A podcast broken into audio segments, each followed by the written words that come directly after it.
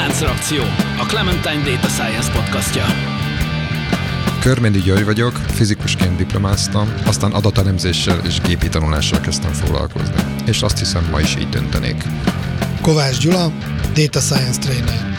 Célom az adatelemzési kultúra minél szélesebb körben való elterjesztése.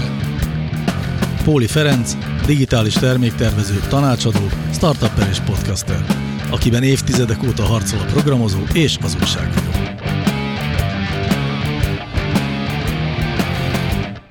Szervusztok, kedves hallgatók!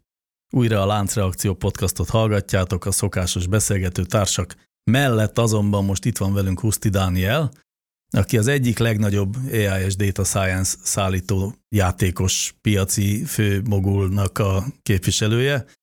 Neked van magyar neve a, a te pozíciódnak? Mert az, hogy Analytics Technical Sales, ezt olvastam a LinkedIn-en, de ennek biztos van valami hogy mondjam, olyan érthetőbb fel, felfejtése is. Sziasztok, én is köszöntök mindenkit. Hát én csak adatelemzési szakértőt szoktam mondani, hogy minél egyszerűbben hangzik. lehessen ezt az egészet megfogni. Te veled nem akarja az összes rokon beállítatni a wifi-t, még mivel foglalkozol informatikával? Figyelj, nem tudnád megnézni a wifi-met? Mert Amikor nem, még villamosmérnökként végeztem, akkor nagypapám megkérdezte, hogy villamost fogsz vezetni? Nem, ahhoz képest. Oh. De tényleg visszajutottunk ide a wifi és a számítógép beállítás és az egyéb apróságokhoz persze, tehát ez, ez alap sajnos. Amúgy nekem volt egy kollégám egy nagy nevű portálnál, aki a tudományrovatot vezette, és rendkívül tudós srác volt. Ő korábban villamosvezetéssel kereste a kenyerét, amikor még az egyetemre járt, abból egészítette ki a szülői apanást, úgyhogy ez nem egy lehetetlen út. Lehet, hogy az összes villamosvezető valójában mindenféle Hanvas Béla és egyéb, aki Elnézést, ön is Hanvas Béla? Igen, nagyon szép. Na de nem a, nem a villamosvezetésről fogunk ma beszélni, hanem hát leginkább az IBM-nek arról a stratégiájáról, ahogy az AI-hoz és a data science-hez áll. Ez így persze végtelenül pongyolán hangzik, ugye, hiszen azért alapvetően ez az IBM-nek az egyik legnagyobb. Mert, mert hogy az a nagy informatikai szállító, akit a Dani képvisel, az az IBM. Ezt nem említettem nem, volna? Így most pont nem, de... Ajajajaj, hát az International Business Machines, ugye, ahol írógépeket gyártanak. Ja nem, az régebben volt. Most már nem csak írógépekkel foglalkozik. Tényleg gyárt még az IBM írógépeket? Hát szerintem egy ilyen 30-40 éve biztos nem. Én is azt gondolnám, pedig, hogy már egyáltalán Pedig nem. milyen jó írógépek voltak. Hú, azok a gömbfejesek. Igen. Nem, de egyébként a, a keyboardokat, azokat sajnálom meg. Ugye most már ThinkPad az már régen nem IBM szintén, de még mindig annak a legjobb a billentyűzete. Bizony. Hát mivel ugye az IBM-mel a legtöbb ember ugye hol találkozik, Wimbledoni tenisztorna, golf rendezvények, itt láthatja, ugye ezért a célközönség egy kicsit más. Viszont olyan előfordul, hogy hétköznapi ember hol lát IBM-et, ugye a pénztárgépeken még Pontosan. nagyon gyakran. Igen. És ugye amikor sokszor BGM vagy egyéb más egyetemeken szoktam vendégelőadást tartani, akkor mindig ez van, hogy honnan ismeritek az IBM-et, és valaki benyögi általában ezeket a dolgokat, és utána el kell mondani, hogy az IBM, mert nagyon-nagyon régóta nem ezzel foglalkozik, csak mivel nagy vállalatokra fókuszálunk, emiatt ugye egy kicsit áthelyeződött a hangsúly, és nem vagyunk kint a a kirakatba, de a háttérben nagyon sok olyan alkalmazás, megoldás IBM-en fut, amit az ügyfél nem is tudja, hogy most a banki tranzakciót, azt, hogyha elindítja, akkor az IBM eszközökön fut át. De most mi nem erről fogunk De most nem erről beszélni. beszélünk, most az ai dolgokról, ami meg szintén egy olyan hasonló kiemelkedő része. AI-os per data science-es. Igen. Azt akartam kérdezni, még mielőtt bármibe belevágnánk, és nem beszéltük meg előre, akkor mondjuk, hogy ez a meglepetés kérdés, hogy az IBM az felüle a nagy nyelvi modellek vonatra és csatlakozik-e oda, ahol mindenki más is most próbál valamit mutatni? Mondhatjuk, hogy igen. Kicsit más nézőponttal áll hozzá az IBM az egész AI-os témakörhöz, tehát hogy a Watson és az egyéb dolgok is ugye elég innovatívak voltak már a 90-es, 2000-es években is, amit az IBM volt az első, aki ilyen nagy AI modelleket kihozott, meg a Jeopardy és egyéb játékokban már tényleg ilyen úttörő eredményeket elért, Viszont ugye ezt az e, nagy nyelvi modellek mentén egy picit máshogy gondolkozik az IBM, és manapság az, az AI-os stratégiánk az, hogy platform szintű megoldásokat építünk, és alapvetően az etikus AI fogalmát próbáljuk bevezetni, és minél inkább olyan megoldásokat hozni, ami tényleg nagyvállalati környezetbe úgy beépíthető, nem csak technikai újítás, hanem tényleg egy olyan, olyan megoldás építhető köré, ami utána megbízható lesz, az AI körüli aggodalmak, amik ugye a ChatGPT olaszországi betiltása és egyéb cikkek kapcsán ugye manapság olvashattunk, azokra egy kicsit megnyugtatóbb választ tud adni az IBM, hogy hogyan is működnek, de természetesen ugye nagy nyelvi modellek kapcsán ugye mi is elkezdünk használni ilyen eszközöket, mert van is olyan a piacon külső beszállító valami nagy nyelvi modell lehet összeintegrálni meglévő IBM-es szolgáltatásokkal, tehát nyitunk külső beszállítók fele, tehát vannak olyan amerikai, németországi partnerek már, akik ilyen megoldásokat szállítanak, és össze lehet integrálni IBM eszközökkel, Úgyhogy merem azt mondani, hogy igen, van egy-két olyan újdonság a fejlesztési csőbe, ami majd rövidesen ki fog jönni, de erről nem nagyon mondhatok. Ilyen nagy nyelvi modellek kapcsán túl sok részletet, meg én sem nagyon kaptam, úgyhogy a Sync rendezvényünkön az idei évben, illetve a későbbi időszakban lesznek ilyen újabb bejelentések, de mindenképp fontos az, hogy az IBM is foglalkozik a nagy nyelvi modellekkel, és nyitottak vagyunk, tehát mind a szöveganalitikai megoldásokban, mind a virtuális asszisztens megoldásunkban aktívan használjuk. És pont az a lényeg, hogy mi olyan irányból közelítjük meg ezt, hogy kicsit karbantarthatóbb legyen, tehát hogy a felhasználó tudja meghatározni, hogy nagy nyelvi modell milyen dokumentumokra tanuljon rá, hogyan adja a válaszokat, tehát egy kicsit ebbe az etikusabb irányba megyünk el, nem abba, hogy a szerzői jogokat és egyéb folyamatokat megszegve átolzéig mindenre megtanítsuk a, a, az adatokat. Tehát egy picit másfajta felfogás. Igen, itt a legnagyobb versenytársak ugye jellemzően kettős szerepben vannak, tehát mondjuk egy Microsoft, egy Google, akár egy Amazon, azok ugye kínálnak konzumer megoldásokat, tehát amikor mondjuk a ChatGPT-t mondjuk ugye minden nap találkozhatunk, és ezzel párhuzamosan kínálnak olyan adatplatformokat, vállalati megoldásokat, B2B megoldásokat, amilyeneket az IBM is kínál, és igazából majd a mai nap erről a kínálatról szeretnénk beszélni, viszont az IBM nem szerepel a konzumer területen.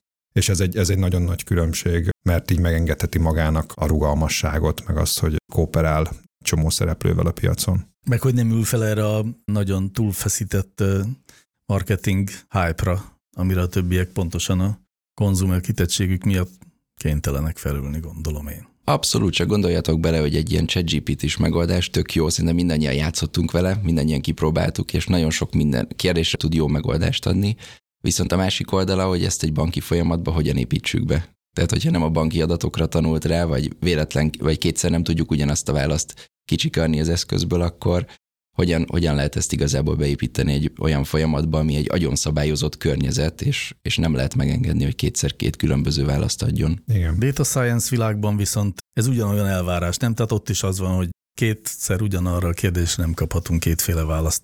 Valahol van egy ilyen hasonlatosság abban, hogy ahogy nem lehet egy ChatGPT szintű megbízhatatlan halucinálógépet felhasználni banki környezetben, úgy egy Cloud Pack Data terméke az IBM-nek, ami szintén ugyanezt a elvárást kell teljesítse, hogy ilyen végtelenül megbízható és minden lehetséges felhasználási módra rákészül. Nem, tehát, hogy nem egy ilyen esetleges valami, hanem... Hát a Cloud Pack for Data, amiről ugye ma úgy bizonyos értelemben, tágabb értelemben szeretnénk beszélni, vagy annak a különböző, főleg AI-os lehetőségeiről. Annak ugye nem a ChatGPT a versenytársa semmilyen értelemben, ja, hanem mondjuk, nem, hogyha Microsoftnál maradunk, akkor a különböző Azure, meg annak főleg a ML platformja, tehát igazából ma ebben a podcastban így főleg ezekről szeretnénk beszélni. Tényleg ezt nem mondjuk el azoknak a hallgatóknak, akik esetleg nem ismerik a Cloud Pack for Data-t, hogy az pontosan mi a definíciója? Mit várhatunk tőle? Mire való?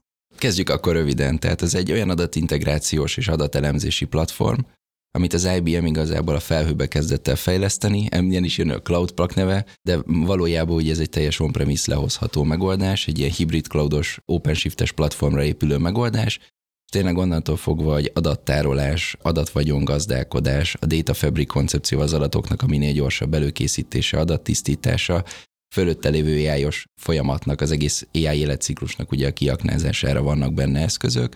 Ez tényleg egy szolgáltatás-orientált platform, amiből a felhasználó annak függvényében, hogy milyen eszközre van szüksége, ki tudja választani azokat a szolgáltatásokat, és be tudja egyazni a folyamatába. Ez egy fontos említeni, hogy ez egy nyílt platform, tehát mindenképpen, hogyha csak bizonyos komponensekre van szükség, akkor az AI életciklusban vannak olyan mintapéldák, hogy csak mondjuk az AI életciklusnak a tetejéről, tehát ezt a elmagyarázható, tiszta, megbízható AI komponens teszik rá mondjuk egy teljesen open source, vagy egy meglévő mondjuk banki környezetre. Tehát ugye ez a fajta rugalmasság megvan az IBM-be, és szerintem ez egy nagy különbség a vetélytársakhoz képest, hogy mi ezt a nyitottságot próbáljuk hangsúlyozni, míg a vetélytársak ugye leginkább az, hogy beterelnek valakit egy irányba, és akkor onnantól fogva minél inkább használják a platformot. Az IBM-nél megvan ez a nyitottság, hogy ha valaki open source szeretne használni, fölötte bármikor használhatja ugye ezeket a komponenseket. Talán itt nyitnék egy nagyobb zárójelet, mert terveztem, hogy az elején zárójelezni fogok.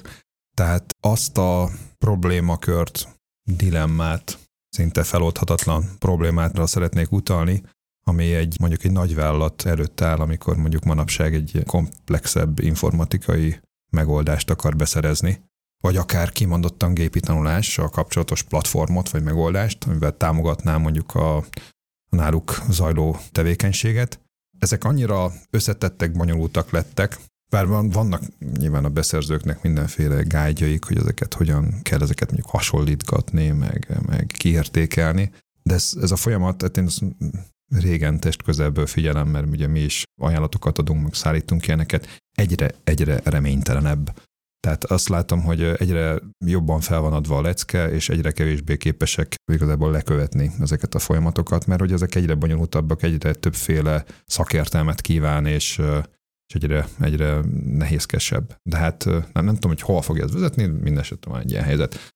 És Ugye ezzel több minden baj van, ugye a különböző szereplői ennek a játéknak, tehát hogy most egy ilyen rendszereket, ugye vannak, akik gyártóként kínálnak, vannak olyan szereplők, mint például a mi cégünk, akik meg mondjuk közreműködnek ebben, tehát valami szállítóként, és ugye a, a vállalati oldalon meg ott is különböző szerepek vannak, hogy egy beszerzőnek lényegesen eltér a szerepe felhasználótól, meg mondjuk az informatikától, akinek meg üzemeltetni kell, és hogy ez egy elég összetett történet, és tulajdonképpen kicsit a mint az elefánt tapogatás példáján, ugye senki se látja ennek az egész történetnek a, a, a teljességét, mindenki csak egy kicsit lát rá, és mégis valahol meg dönteni kéne mondjuk különböző platformokról, különböző beszerzésekről, hogy akkor most innentől kezdve mondjuk ezt vagy azt vagy azt a terméket fogják a, a cégek használni. Ez az egész folyamat, ez itt az ilyen típusú rendszereknél együtt jár azzal, hogy ugye nagyon nagy részt cloudos megoldásokról beszélünk, így vagy úgy vagy amúgy, de cloudos. Ezért aztán sok szállítónál tulajdonképpen a belépési küszöb az elég alacsonyabban az értelemben, hogy el lehet kezdeni játszani.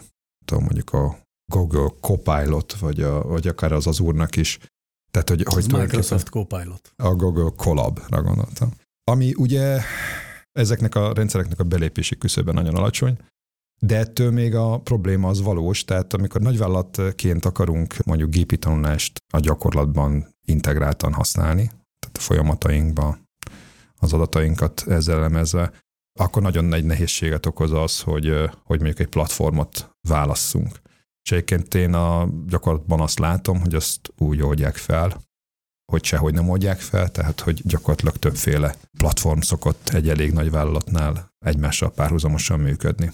Tényleg, ha hagyd kérdezzem már meg, te több ilyen beszerzést látsz meg, bevezetést, hogy hogy működik ez a cégeknél? Ilyen organikusan alakul ki, hogy hogy alakul ki egy analitikus infrastruktúra, vagy egyszer nekiveselkednek egy nagy tender, és akkor feltesznek mindent a 34-es számra, ez lesz a nyerő hosszú évekig, vagy valaki IBM-nél dolgozott, informatik igazgató lesz, és onnantól kezdve minden IBM lesz az adott cégnél. Tehát hogy dőlnek el ezek a dolgok a cégeken belül? Hogy látod? Hát erre nehéz egyértelmű választ adni. Ez... A Daninak nem ez a szakterülete egyébként. Nem. Hadd mentsem egy de, kicsit. De, de nem baj. Nem baj. Láttam ilyet is és olyat is. Tehát ugye erre tényleg van olyan, amikor organikusan fejlődik, tehát ez a, valószínűleg a célszerűbb, amikor már vannak különböző data science csapatok, és megvannak azok az igények, hogy mondjuk valaki open source-t használ, valaki sast használ, valaki SPSS-t, van, aki mellette még egyéb más eszközöket, és fellépnek új elemzési igények, akkor ezeket meg kell próbálni valami idővel közös platformra hozni, hogy egyszerűbben legyen menedzselhető.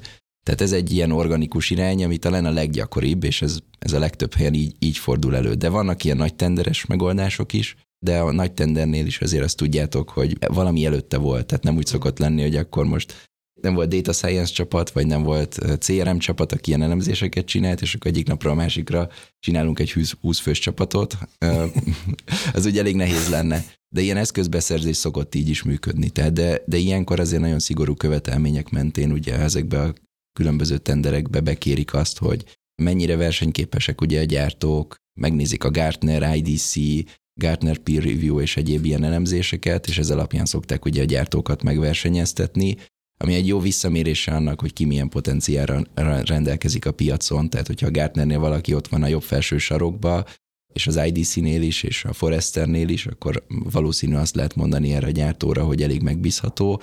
Ellenkező esetben ugye ez, ez, ez egy kicsit nehezebb, nehezebb téma megítélni egy gyártót, és nagyon sokszor mi is már úgy dolgozunk, hogy régebben mondjuk négy-öt évvel ezelőtt gyakoribbak voltak ezek a nagy tenderek, hogy oda mentünk, megcsináltuk, kitöltöttük, eltöltöttünk vele akár több hetet, megválaszoltuk azt a 300 oldalnyi dokumentációt, amit valaki elolvasott, valaki nem.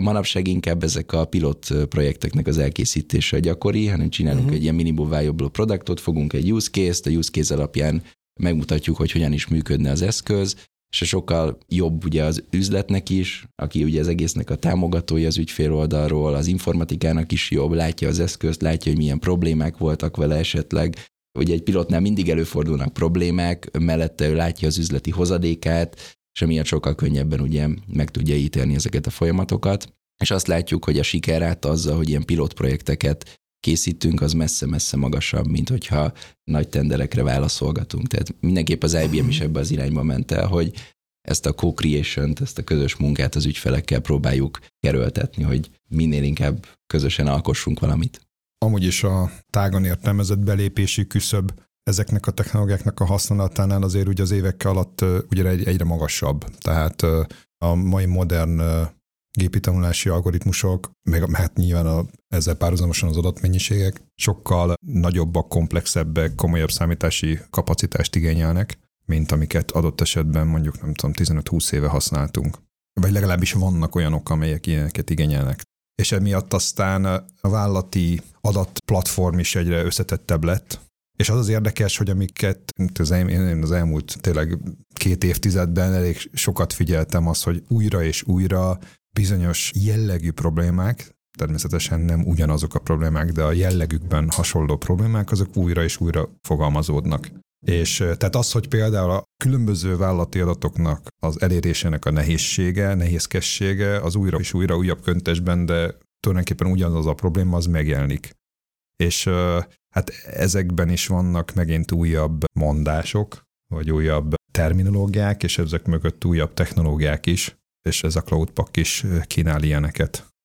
Datafabrik témakörről kérdeznélek, hogy definiáld nekünk is egy picit. Ez az, amit pár hete próbáltunk megfejteni, csak akkor MES néven? Datames meg Datafabrik, igen, ott volt egy felvetés. Ugyanaz, csak két név. Mi kellően Hát nem, de már kellően, kellően magas szinten beszéltünk róla, de most Tani itthon is.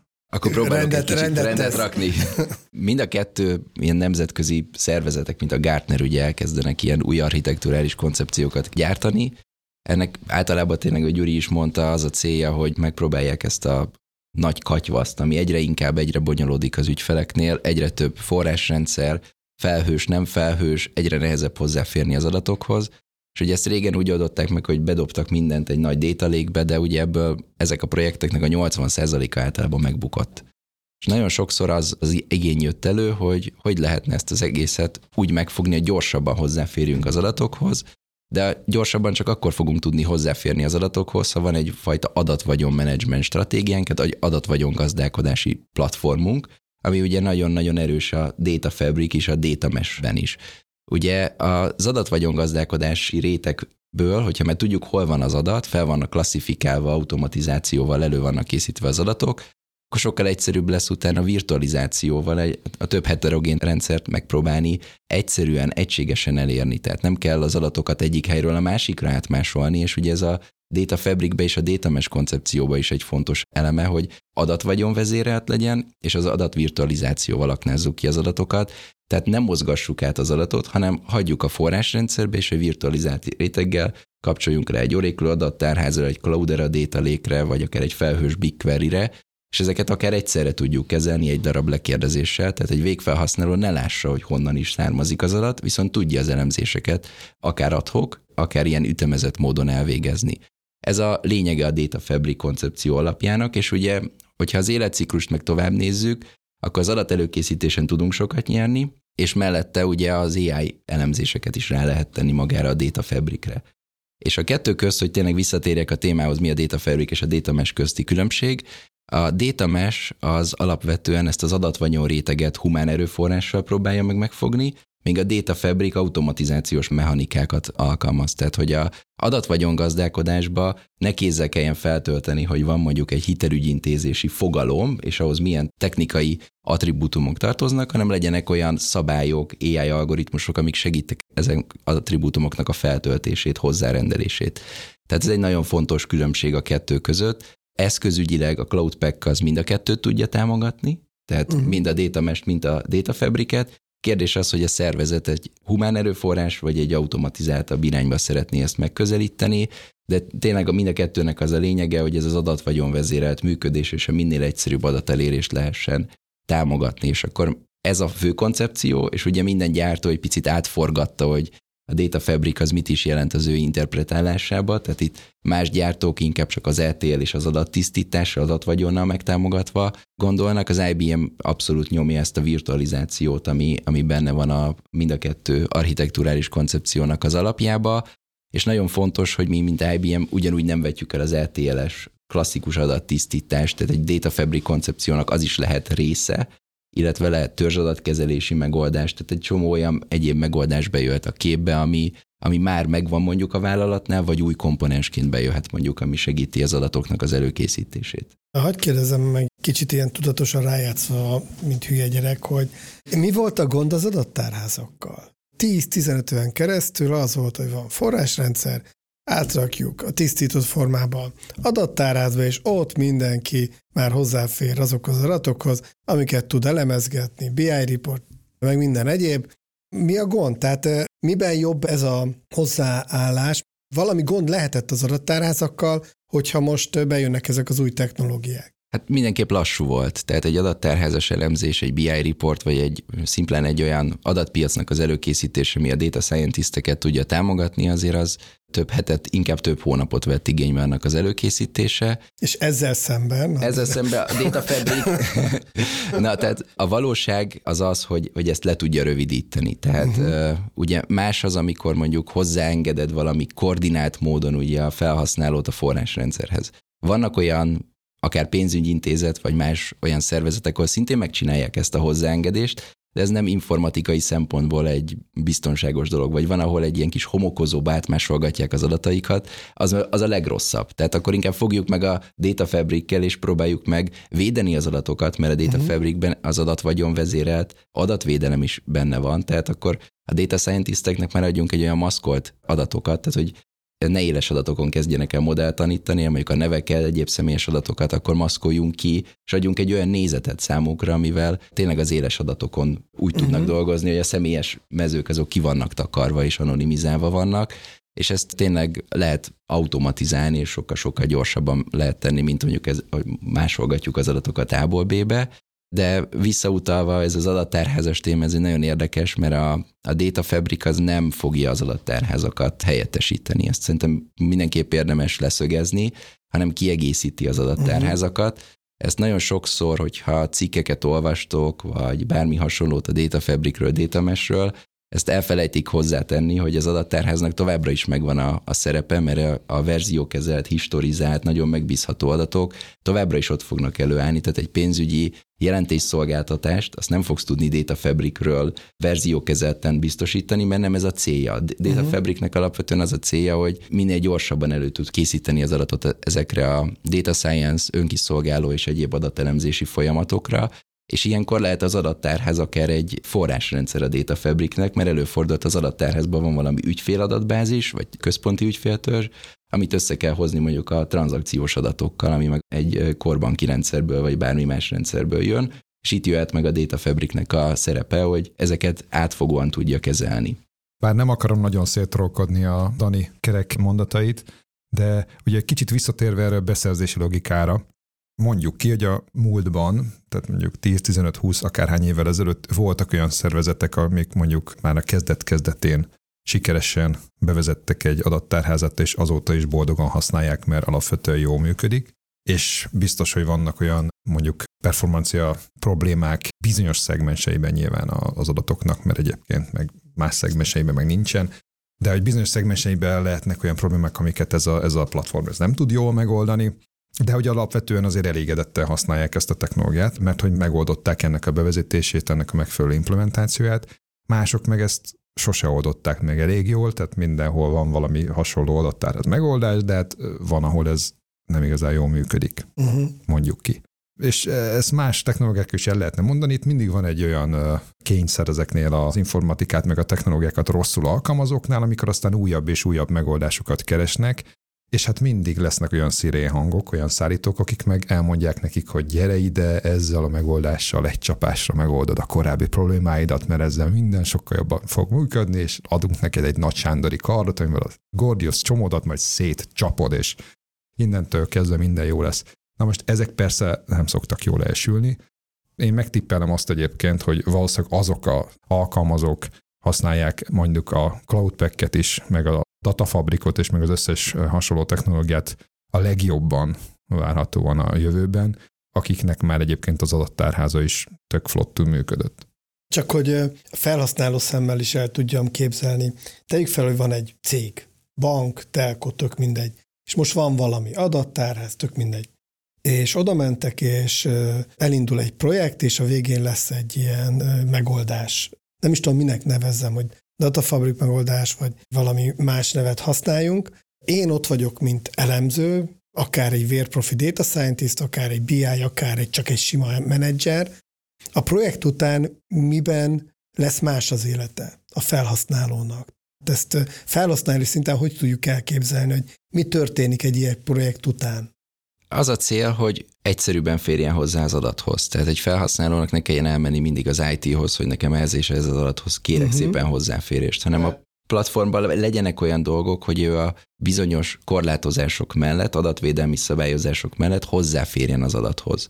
Uh-huh. Ugye itt nem lehet teljesen helyettesíteni az informatikát, de vannak olyan dolgok, aminél jelentősen fel lehet gyorsítani, és itt tényleg Gyuri, jó, hogy igazából trollkodtál, mert ez a mi megközelítésünk is itt a helyi IBM-be, hogy azért ezeket a koncepciókat mindig megpróbáljuk lefordítani a gyakorlatba, és azért amit én nagyon-nagyon színes szagosan van egy Gartner kihoz, azt, azt utána le kell fordítani a magyar valóságba, Aha. vagy itt a regionális valóságba, jelentősen fel tudja gyorsítani ez a data fabrikes megoldás ezeket a folyamatokat, viszont nem fog olyan csodát csinálni, hogy az elemzőnek onnantól fogva csettintésre már jó minőségű adata lesz, hanem abba tud neki segíteni, hogy legalább megtalálja az adatot, hogy milyen adatra van szüksége.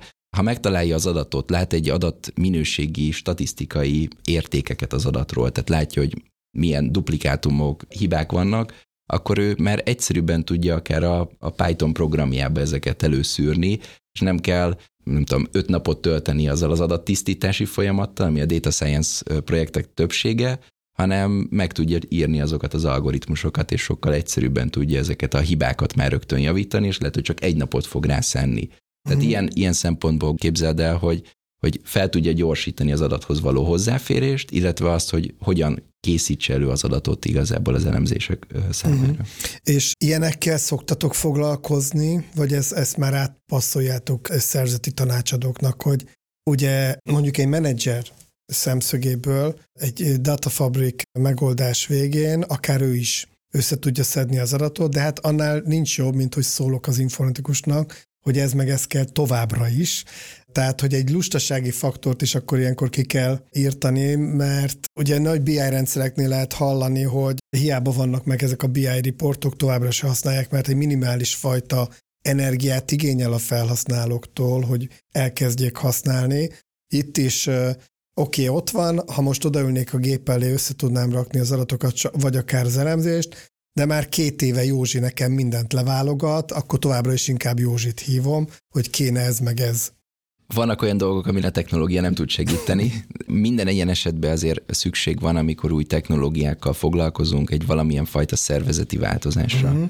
Mivel a Data Fabric nagyon adatvagyon vezérelt, ezért ugye a szervezetbe is ki kell alakítani új szerepköröket, adatminőség felelős, ki kell alakítani adatgazdai szerepköröket, vagyis nem kötelező, de célszerű ahhoz, hogy ez hatékonyan működjön, mert hogyha megvannak az üzleti szerepkörök, akkor az üzleti felhasználó érezze azt, hogy valamit ad a közösségbe, ugye a cég számára, és valamit cserébe kap. Mert hogyha megvannak ezek a fajta érdekeltségek, akkor fogja szívesen és, uh-huh. és jól használni ezeket az eszközöket.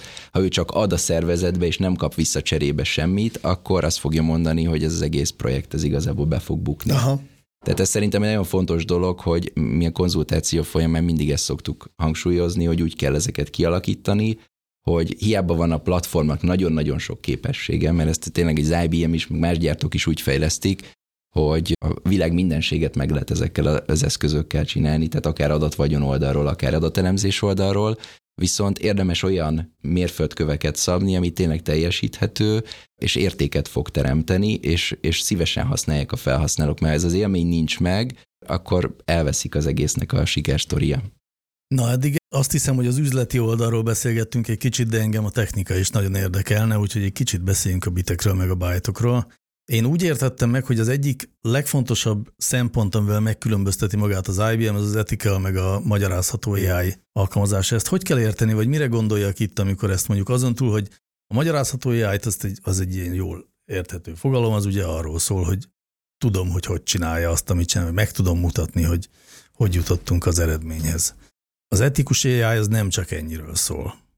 Igen, ez egy komplex folyamat, tehát ez onnan indul, hogy ugye van egy kockázati értékelése az AI-nak, amit el kell kezdeni a folyamattól, hogy eldönti a szervezet, hogy egy AI modellt szeretne alkalmazni, ennek az üzleti kockázatát, tehát mondjuk egy hitelezésnél, vagy egy ügyfélbesorolás, vagy ügyfélemozsolódásnál ugye mindenképpen fontos a kockázatot is hozzátenni a modellhez. Fontos az, hogy amikor a modell életciklus az MLOps és egyéb metodológiákkal elkezd épülni, hogy ez már a meglévő eszközökben már rége, régebb óta ismert metodológia, de ez az új eszközt, eszközöknek is az alapját képezi.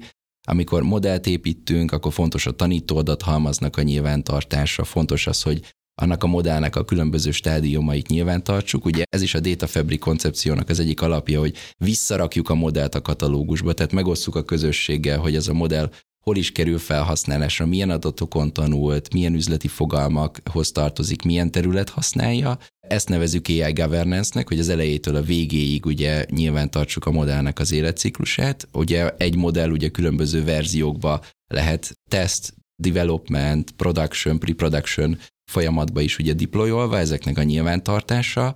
Ugye a modell, amikor már deployolva van és fut, akár egy batch, akár egy ilyen valós idejű scoring módszertannal, akkor ugye rá lehet ültetni ezt a elmagyarázható, megbízható ai ami három dolgot készít, megnézi azt, hogy milyen fajta bias van a, a modellbe, tehát megpróbálja, hogy a férfiak, nőknek az arányát meghatározni, hogy hogy mennyire fair volt a tanító adathalmaz, a tanító adathalmazhoz próbálja hozzá hasonlítani órás agregátumokba folyamatosan beérkező tranzakciókat, és megpróbálja meghatározni, hogy a modell az mondjuk a férfiak vagy a nők arányában részrehajlást tartalmaz.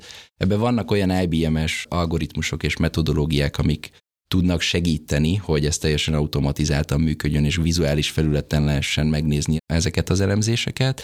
Ez az első. A második ugye a drift, tehát hogy a modellnek az elváltozása, hogy idővel ugye a modellek teljesítménye kezd romlani, és ezeknek a felismerése, tehát hogy ezt ne egy manuális metodológiával kelljen megcsinálni, hanem legyenek rá automatizált eszközök, ami segít jelezni, hogy mikor célszerű újra tanítani a modellt, és segítsen olyan tranzakciókkal, amiket tud csoportosítani, hogy ezek a karakterisztikák változtatják meg a modellnek a működését, és utána a, felhasználó ez alapján tudja újra tanítani a modellt egy új tanítóadathalmazon, és a harmadik meg az explainability, amikor meg elmagyarázza az egyes tranzakciókat, tényleg attribútumok mentén, feature mentén, hogy mit is jelent, és melyik feature ugye milyen százalékba járul hozzá mondjuk ahhoz, hogy egy hitelügyintézést sikeresen bíráljunk el, kockázatosnak ítéljünk, tehát ezekbe tud igazából segíteni. Itt egy dologra rákérdeznek, mert ez nagyon tetszik. E-, ezt én még soha nem hallottam hogy figyel ilyeneket, hogy férfinők függvényében van elfogultsága a modellnek. Itt jó néhány hónappal ezelőtt találtunk egy-két amerikai példát, ahol az AI modellek elfogultak voltak bizonyos tekintetben, de ez úgy is fel lehet fogni, hogy amikor etikussá teszünk egy AI modellt, akkor törvényszerűen romlik a teljesítménye.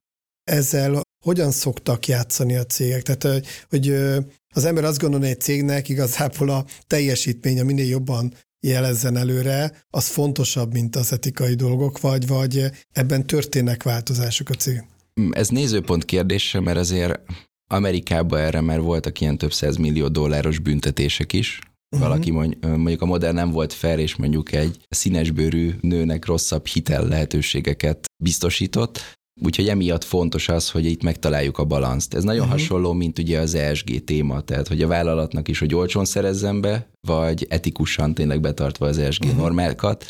Itt meg lehet találni ilyen balanszokat. Tehát ugye itt megint itt a felhasználónál van a data science vezetőnél van ugye a döntés, ő tudja azt mondani, hogy akkor mennyire próbáljuk meg balanszírozni ezeket a folyamatokat. Tehát ugye uh-huh. pont az a lényeg ennek a MLOps és egy összes metodológiának, hogyha igazából végigvitted a tanítást, ezt levalidáltad, kipróbálod mintahalmazokon, hogyan teljesít a modell, mennyire fair, hogyha kell, akkor utána újra tudsz rajta módosítani, és újra tudod tesztelni. Uh-huh. Tehát ez a fajta rugalmasság, ez, ez benne van így a platformokban, és ugye az IBM ezt nagyon-nagyon nyomja, hogy ez, ez, uh-huh. ez működjön, ez a, az etikus AI. Talán az annyit fontos megjegyezni, hogy a legtöbb esetben, amikor mondjuk olyan típusú modellt csináltak valahol, adatelemzők, adattudósok, aminek aztán a végén valamilyen etikai problémát tártak fel, az nem eleve gonosz célra készült.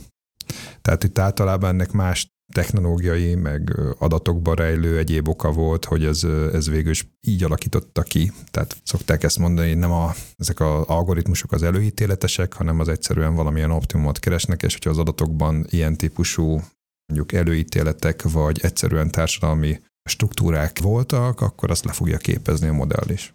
És emiatt azért itt van egy olyan kétélű dolog, hogy ugye elkezdünk alkalmazni AI-t, gépi tanulás mondjuk mindig ai de azért itt sokszor uh-huh. gépi tanulási algoritmusokat, és uh, tulajdonképpen néha, néha Magyarországon is volt azért ilyen eset, amikor egyfajta derültékből villámcsapásként érhet egy alkalmazót, egy céget az, hogy mondjuk az ő által alkalmazott technológia az valamilyen értelemben így eltért a, a, az etikustól. Arról van szó, hogy itt, itt tulajdonképpen bizonyos szempontokat tudunk vizsgálni, illetve amiket a később mondjuk azonosítunk, és mondjuk betegyük, hogy nem tudom most a, a jobb kezeseket és a bal kezeseket ne különböztesse meg, egyiket se hátrányosan, vagy bármilyen ilyen szempontot, ezt, ezt utána ezek, ezek platformok. Tehát ez elég fontos dolog, hogy mondjuk ez a, ez a koncepció, ez egy platform, tehát egyébként most ugye open scale-nek hívják, ugye még? Ja.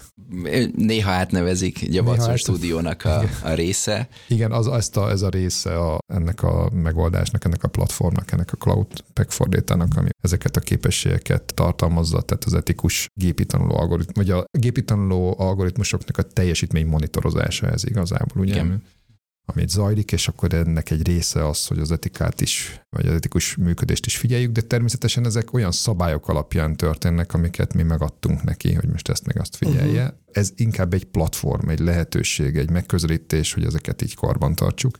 És hogyha jövőben merülnek fel olyan új szempontok, amik mentén ezeket tovább figyelni kell, akkor ezeket is bele lehet építeni. De azért az egy fontos kitétel, hogy azért ez nem általában oldja meg az ilyen etikai problémákat. Tehát azzal, hogy valaki vesz egy ilyet, azzal ezt még nem kezelte. Sajnos ez egy, ez egy aktív közreműködést igényel mondjuk a gépi tanulásnak az alkalmazó szervezettől. Ebben is tud egyébként segíteni egy olyan nagy szállító, mint az IBM? Tanácsadással, oktatással, ilyesmivel? Akkor nem csak a szoftverről van szó?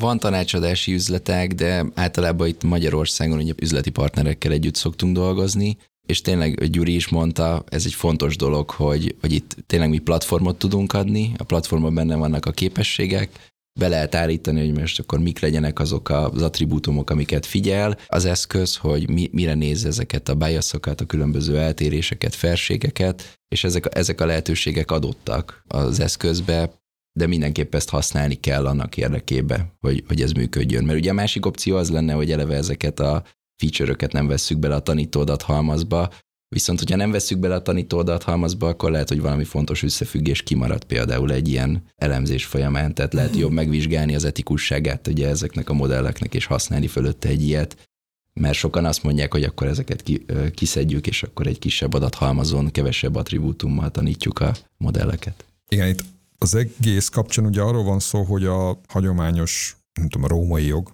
az viszonylag kevés támpontot ad abban a tekintetben, hogy mondjuk hogyan kell olyan gépi tanuló algoritmust kreálni, alkalmazni, ami aztán nem sért mondjuk különböző társadalmi csoportoknak az érdekeit.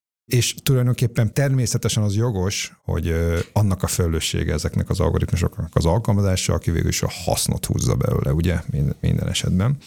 De itt azt lehet biztosítani, hogy azok a szereplők, akik ebben a dologban részt vesznek, tehát nyilván elsősorban ugye annak az alkalmazója, tehát az a cég, aki ilyet használ, de részben a gyártó, mint például az IBM, vagy mondjuk az olyan közeműködő partnerek, mint mondjuk a mi cégünk, mindenki mondjuk a, a tőle tehetőleg nagyobb figyelemmel, meg törődéssel igyekszik ezeket a technológiákat kezelni, és ez mondjuk lehetőleg nem csak a szavak szintjén, hanem tényleg a mentalitásban is, tehát ez elég fontos.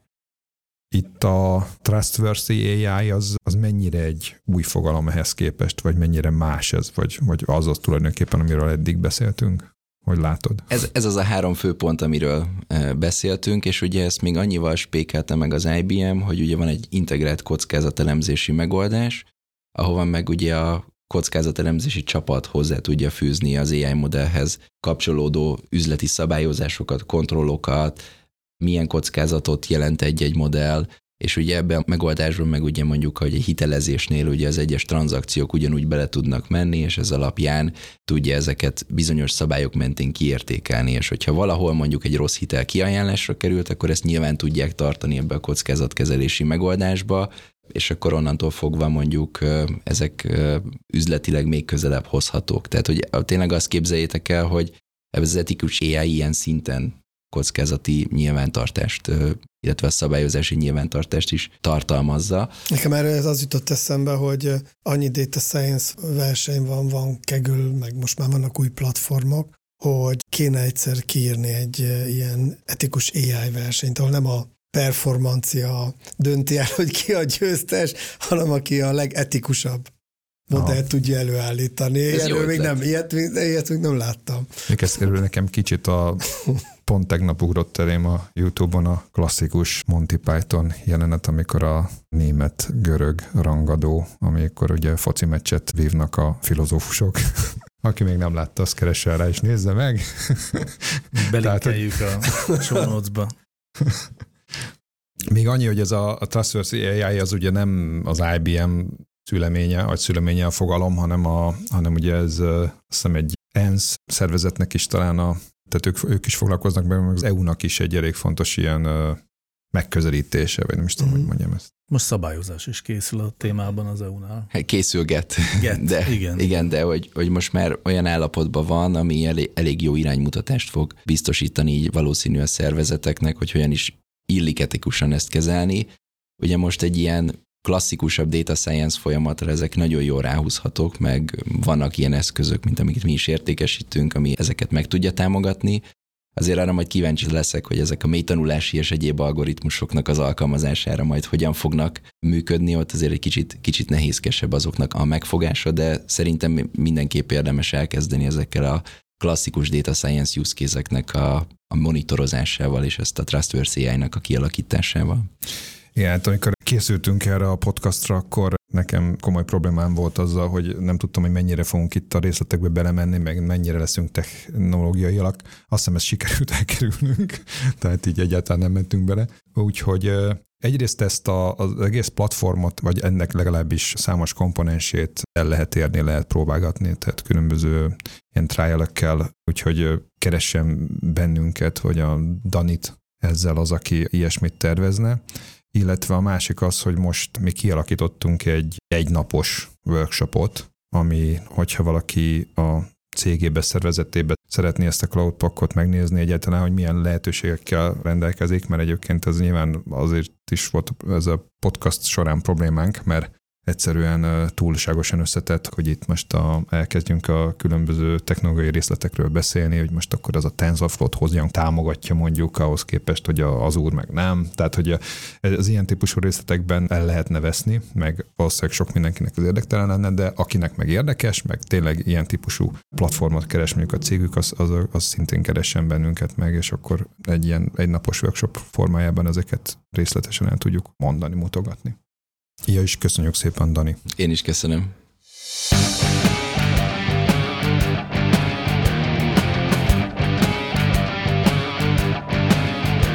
Láncreakció, a Clementine Data Science podcastja.